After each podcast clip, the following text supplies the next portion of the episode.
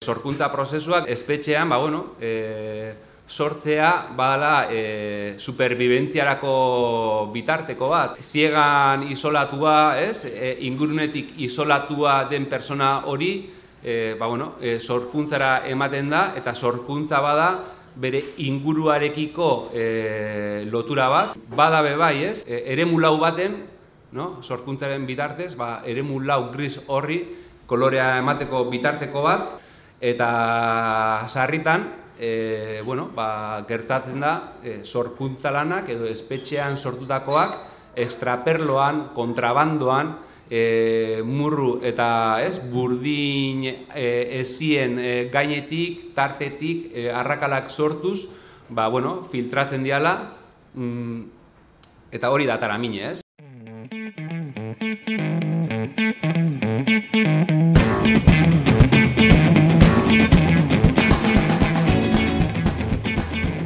Bere aurtengo ustak aleratu du atara mine argitaletxeak.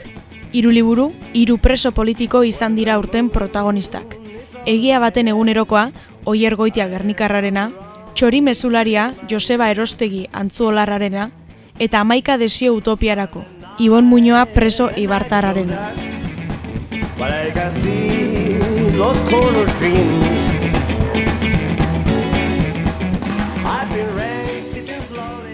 Gabriel Arestiren poema batean oinarriturik, egia baten egunerokoa izena jarri diote Oiergoitia preso politiko eta Ionteieria bere zeldakide izandakoak liburuari.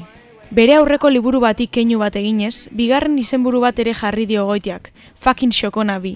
E, lehen liburu bat egintzuelako jerrek berak, fucking xokona, xokona bat, eta bon, kontatzen zuen ez, e, bera xokone e, paristik e, pixagorago dagoen espetxea da, eta bertan gauero ziegatik oiuak egiten omen zituen jendeak e, fucking xokona, fucking xokona, ba ez, e, amorru bizi ze oiu hori ba, presoek egiten zuten oiu bat zen, eta hortik hartu zuen berak izenburua, eta gerora, bueno, oierren kasuan bihurtzezaken e, fucking fresnes, fucking soto, fucking bilena, fucking murtzia, dela orain dagoen lekua.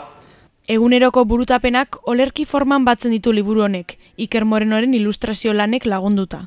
Poema horietan irakurleak topatuko ditu bikote harreman bat, ez dena denbora neurtzen, baizik gutun, e, gutun zenbakitan, amalo garren gutuna, amabos garren gutuna, amasei garren gutuna, topatuko du osaba izateko ba, modua, espetxean dagoen bat osaba nola izan daitekeen, topatuko ditu kideekin ba, elkarbizitzaren ondorioak, e, preso batzutan arrunt, batzutan sozial direnekin bizitzeko moduak, Eta uste dut ere, dela liburu bat irakurtzeaz gain, entzun eta ikusi egiten dena.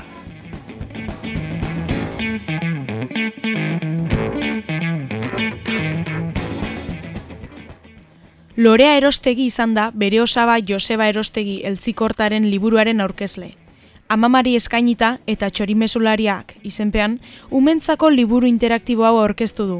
Osabak ume bakoitza bere liburuaren protagonistea izatea nahi zuelako. E, txorimesulariak, e, bueno, badauka hola transfondo bat edo, e, gure txorimesulariak telefono deiak izan dira, horrela lan egin dugu, asko gozatu dugu, baitza ere ez da batzuk eukinda, Baina, bueno, e, osabak nahi, zuen, nahi zuena esan, e, ba, ume bakoitzak ba, bere liburuaren protagonista izatia, ez?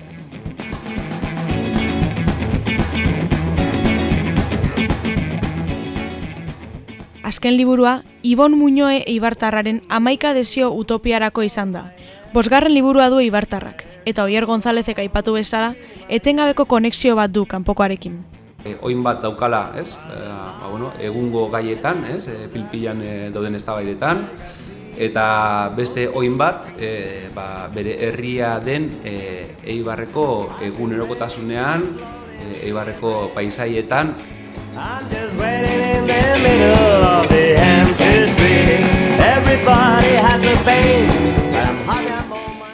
Durangoko azokan egongo dira eskuragai liburuok, gainontzeko urteetakoekin batera. And the night, the night is so dark But I can see the light like when I was a boy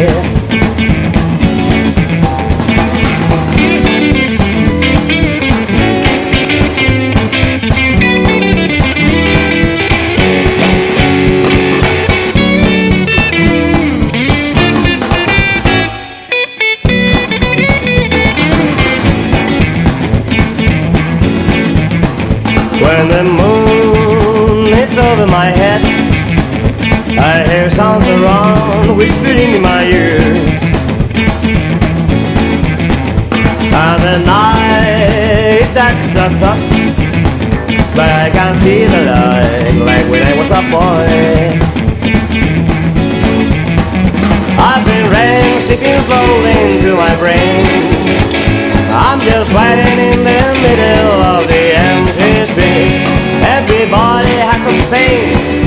happy I'm on my way. I've got nothing but the future, I'm okay.